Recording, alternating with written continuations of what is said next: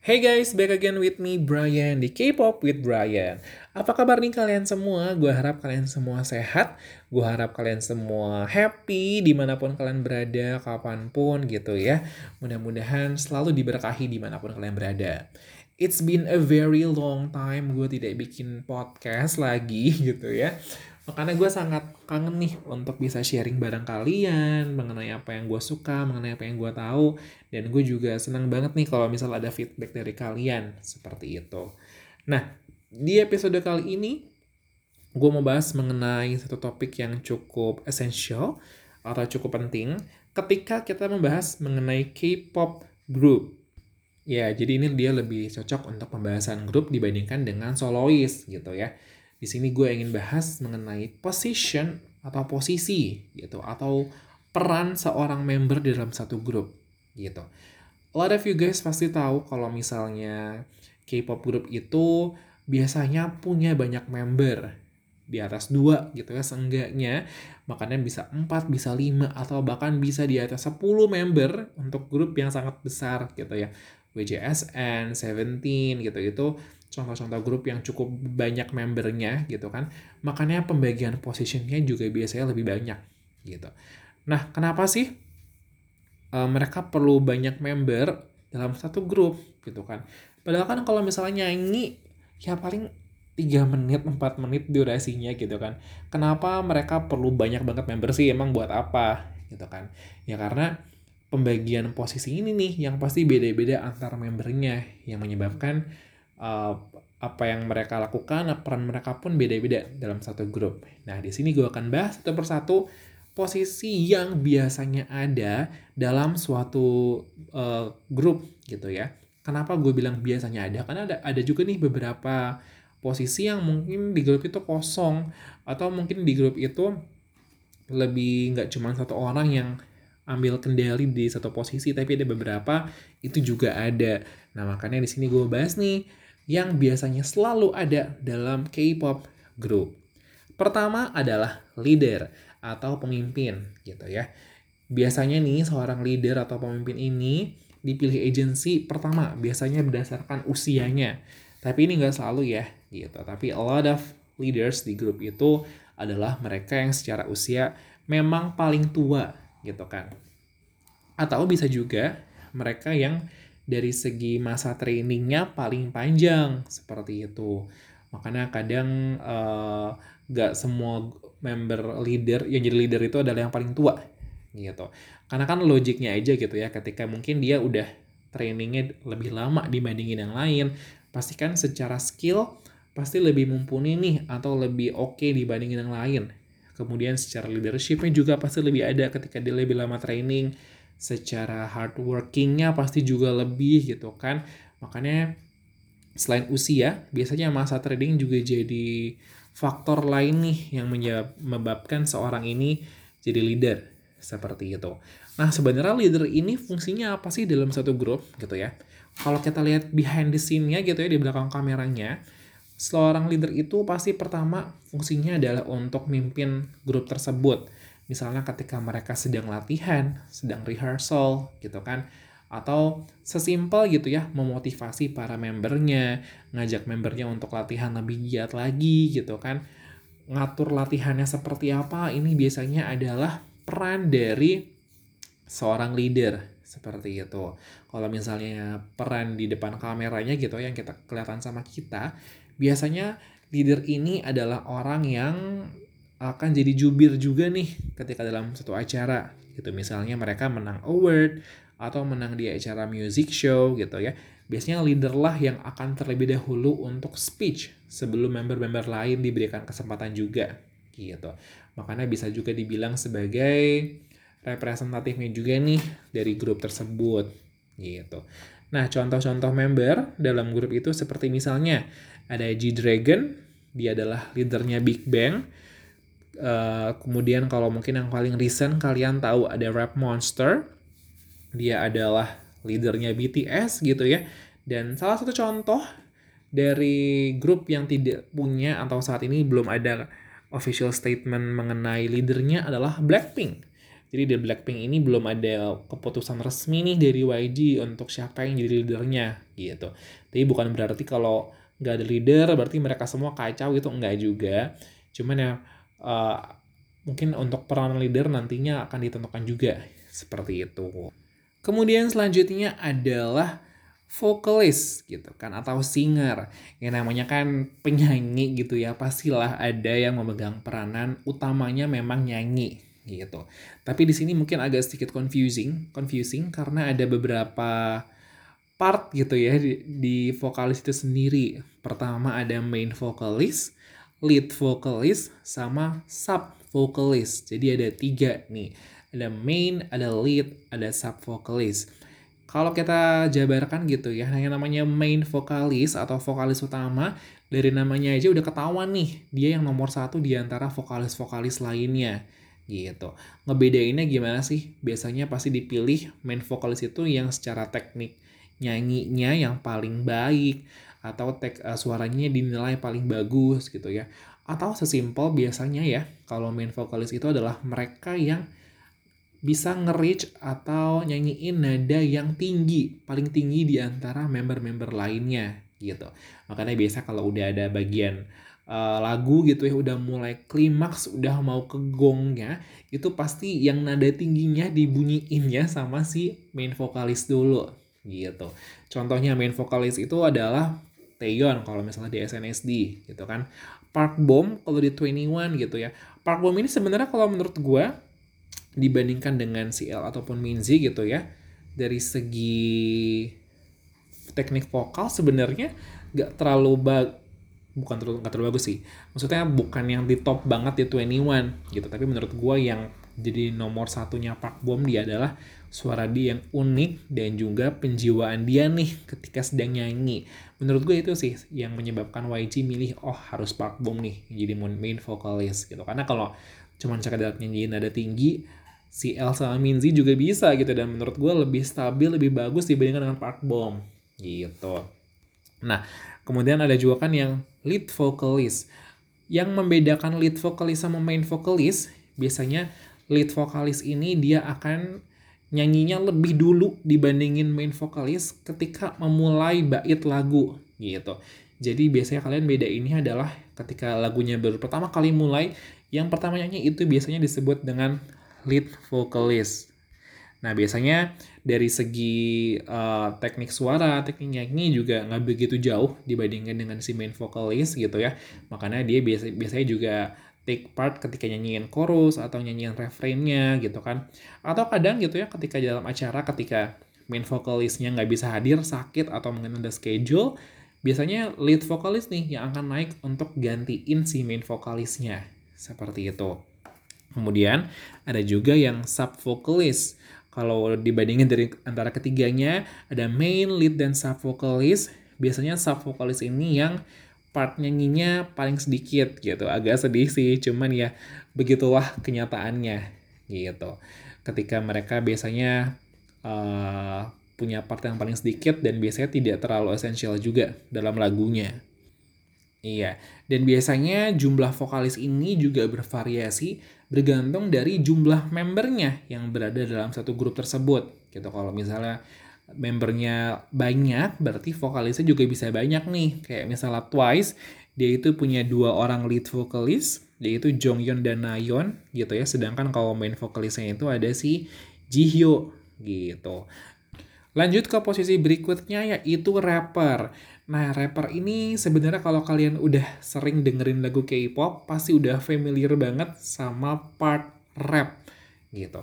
Bahkan uh, mungkin kalau di Indonesia kita kenalnya kalau rapper tuh cenderung untuk lagu yang lebih kayak hip hop, lagu yang upbeat gitu ya. Kalau di Korea enggak juga gitu ya, bahkan untuk lagu-lagu yang slow, lagu-lagu ballad biasanya juga ada part rapnya. Itu makanya yang membedakan gue paling suka ketika dengar lagu Korea apa ada part rapnya ini juga salah satunya gitu rapper di Korea di K-pop group juga biasanya kebagi lagi tuh tadi seperti yang main vokalis ada main rapper ada lead rapper sama sub rapper. Sama halnya ketika kita ngomongin yang vokalis tadi uh, lead rapper ini biasanya uh, kita anggap sebagai rapper kedua setelah si main rappernya gitu kan.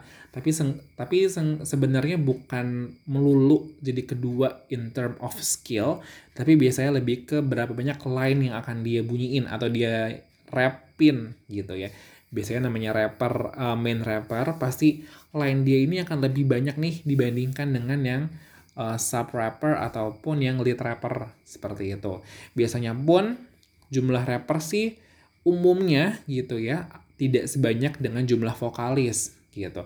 Karena kan biasanya uh, part rap pun tergantung grup sih sebenarnya. Itu biasanya akan lebih banyak part untuk singingnya atau nyanyi nyanyi dibandingin dengan rapnya gitu. Nah, contoh-contohnya rapper dalam grup itu seperti misalnya ada Bobby, dia ini adalah main rappernya di Icon. Terus kemudian kalau contohnya lead rapper itu adalah Dino di Seventeen. Kemudian kalau misalnya sub rapper contohnya adalah Jungkook di BTS gitu. Jadi biasanya kalau rap ini, rapper ini pembagiannya lebih kepada seberapa panjang atau banyaknya line yang mereka nyanyiin atau rapin gitu. Itu yang membedakan antara main, uh, lead, sama si subnya. Nah, kemudian yang paling mungkin favorit kalian juga itu adalah dancers. Jadi kalau di Korea yang namanya grup atau bahkan solois gitu ya kayaknya nggak afdol banget kalau mereka itu nggak ada koreografinya makanya umum banget nih kalau di Korea ini akan dipilih satu orang main dancer untuk jadi di grupnya tersebut yang namanya main dancers pasti uh, tolak ukurnya adalah paling jago ngedance gitu kan dibandingin dengan member-member lain. Biasanya dia ini akan bersinar ketika misalnya ada bridge atau ada bagian lagu yang butuh lebih menonjolkan dance biasanya dia ini akan paling depan seperti itu. Biasanya juga kalau main dancers ini dia ketika uh, posisinya gitu ya dalam ketika koreonya sedang menunjukkan koreo biasanya akan di tengah nggak akan jauh-jauh ke ping terlalu jauh ke pinggir atau terlalu lama di pinggir gitu. Contoh-contohnya main dancers kalau misalnya di Blackpink kita tahu ada Lisa yang dance-nya kita tahu keren banget Terus kalau di One ada Minzy gitu kan yang uh, popping banget gitu ya kalau Minzy. Kemudian kalau misalnya salah satu uh, main dancer juga nih kalau di boy group itu ada Kai EXO. Nah, itu juga salah satu yang keren banget kan kita tahu. Dia kalau ngedance biasanya dari ekspresinya dapat banget, terus dari gerakannya juga oke okay, gitu. Kemudian ada juga position yang lain yaitu visual gitu. Sebenarnya uh, membedakannya gue juga, gue juga bingung sih membedakannya gimana gitu kan. Karena menurut gue namanya visual itu kan relatif gitu. Uh, siapa yang gue pikir paling cantik akan berbeda dengan apa yang kalian uh, siapa yang kalian pikir paling cantik gitu. Tapi biasanya si visual ini akan udah di-assign nih sama si agensinya untuk jadi visual of the group gitu dideklar lah kalau dia ini yang secara visualnya paling oke okay dibandingin dengan member-member lain. Sebenarnya kalau menurut gue akan menjadi sedih juga buat dia sih. Karena uh, kebanyakan orang jadi berpikir, oh, ya udah dia visual, jadi ya nggak apa-apa kalau misalnya dia nyanyi yang nggak bagus, dance yang nggak bagus, toh dia cuman visual gitu. Menurut gue itu salah satu apa ya negatifnya juga gitu buat para visual para member yang megang peranan sebagai visual. Tapi biasanya kalau visual ini anaknya adalah uh, pertama dari sisi koreografi, biasanya mereka juga akan tetap di tengah nih, gak akan terlalu jauh ke pinggir, terlalu lama di pinggir. Karena kan supaya jadi pusat perhatian ketika uh, kameranya lagi nyala gitu kan, pas nyala jeder visualnya di tengah itu kan pasti orang juga akan lebih interest untuk ngeliat gitu. Biasanya visual ini sih satu orang aja gitu ya, nggak Eh, nggak umum untuk sebuah grup itu punya visual lebih dari satu makanya biasanya udah deh satu orang yang paling kece secara penampilan itu yang dinamain visual contoh-contoh visual seperti misalnya kalau di uh, eh, 21 ada Sandara Park yang kita tahu dia udah usia 30-an sekarang tapi bentukannya masih begitu-begitu aja gue gak ngerti udah kayak vampire kemudian ada Jie di Loveless gitu sebenarnya perdebatan ini juga muncul sih di fans-fans K-pop lainnya gitu kan. Gimana caranya lo nentuin visual gitu kan. Karena kan yang namanya K-pop group pasti semuanya udah stunning dong. Uh, terlepas dari ya terlepas dari dia oplas apa enggak pasti semuanya itu punya penampilan yang stunning, yang bahkan kadang kalau lo lihat di komentar-komentar MV ataupun acara gitu ya, wah gila ini mah semuanya visual gitu. Tapi biasanya ada aja lah satu member nih yang di-assign khusus sama si uh, agency untuk jadi visual. Nah, tapi kalian jangan confuse atau jangan bingung antara visual sama face of the group. Jadi ada posisi lain di luar visual gitu ya yang namanya adalah face of the group. Bisa jadi sisi uh, apa namanya si visual ini juga adalah center of eh sorry face of the group tapi nggak selalu Nah, biasanya apa sih perannya face of the group ini? Kalau misalnya leader ini kan, kalau misalnya leader gitu ya, dia kan yang akan mengatur nih gerak-geriknya member-membernya, ngatur posisi gitu misalnya. Nah, kalau misalnya si visual kan udah pasti yang paling stunning secara penampilan. Nah, kalau misalnya si face of the group, ini biasanya dia ini yang akan selalu jadi center ketika misalnya grup foto atau ketika misalnya lagi uh, koreografi yang penting gitu ya atau key point biasanya dia juga yang paling kelihatan gitu. Makanya sering kali ketika kita sebutin nama membernya gitu ya kita udah pasti ngeh oh ini kayaknya dia yang face of the face of the groupnya deh. Karena memang dari segi paparan itu dia yang paling banyak kena seperti itu Salah satu contohnya adalah NCT Taeyong gitu. Kan kita udah tahu banget ya Taeyong dengan segala skill dan uh, kekerenan kekerenannya dia tapi juga kita biasanya akan lebih notice ketika ada NCT pasti di tengahnya itu ada Taeyong duluan yang muncul gitu. Makanya dia disebut sebagai face of the group. Nah, kemudian ada juga Magne gitu kan. Atau ini udah sering juga kita dengar yaitu adalah member paling muda di antara para member lainnya. Kalau misalnya posisi-posisi sebelumnya itu biasanya diberikan berdasarkan scale atau kalau misalnya visual atau mungkin face of the group itu berdasarkan penampilan mereka. Kalau uh, Magne ini pure diberikan karena udah tanggal lahir aja gitu kan. Siapa yang paling muda ya udah dia akan disebut sebagai Magne gitu. Biasanya si Magne ini uh, cenderung gitu ya digambarkan sebagai seorang yang lebih cute, lebih pemalu dibandingkan dengan para member lainnya gitu kan. Karena dari segi usia kan pasti juga lebih tua gitu kan member-member yang lainnya. Jadi kayak dia tuh lebih yang seseorang yang lebih dilindungi seorang yang lebih malu-malu dibandingkan dengan member-member lainnya gitu. Nah kalau misalnya nih kalian join ke dalam satu K-pop group kira-kira kalian tuh akan berada di posisi apa gitu. Kalau gue kalau visual udah pasti nggak mungkin gitu ya. Mungkin gue akan jadi vokalis sih. Uh, kalau main vokalis gue agak kurang pede karena sebenarnya suara gue tenor sih tapi bukan tipe yang uh, bisa nembak nada tinggi banget gitu ya. Mungkin lead vokalis or sub vokalis maybe. Nge-rap gue belum pernah nge-rap seumur umur dalam hidup gue gitu karena ngomong aja kadang suka belibet ini gimana kalau gue disuruh nge-rap gitu. Nah kalian nih kalau misalnya kalian gabung dalam satu grup K-pop kira-kira posisi apa sih yang ingin banget kalian tempati? Is it a vocalist? Is it a rapper? Is it a leader? Atau mungkin kalau kalian cantik atau ganteng banget, visual maybe gitu kan. Gue pengen tahu nih apa sih yang kalian sukai ketika kalian dalam satu ke grup K-pop dan bias kalian tuh posisinya apa sih gue juga pengen tahu deh makanya kalian komen aja gitu kan dan let me know untuk ke depannya juga kalian misalnya ada kepikiran ingin gue ngomongin apa di podcast ini I'm really happy to hear that gitu Oke, itu dulu mungkin untuk episode kali ini. Gue harap gue akan semakin bisa lebih rutin untuk bikin podcast, supaya gue bisa lebih ngobrol banyak juga nih dengan kalian. Dan gue harap gak akan habis-habisnya nih kita bisa ngobrolin terus masalah K-pop. Kayak gitu. Terima kasih sudah mendengarkan gue dan kita ketemu lagi di episode berikutnya.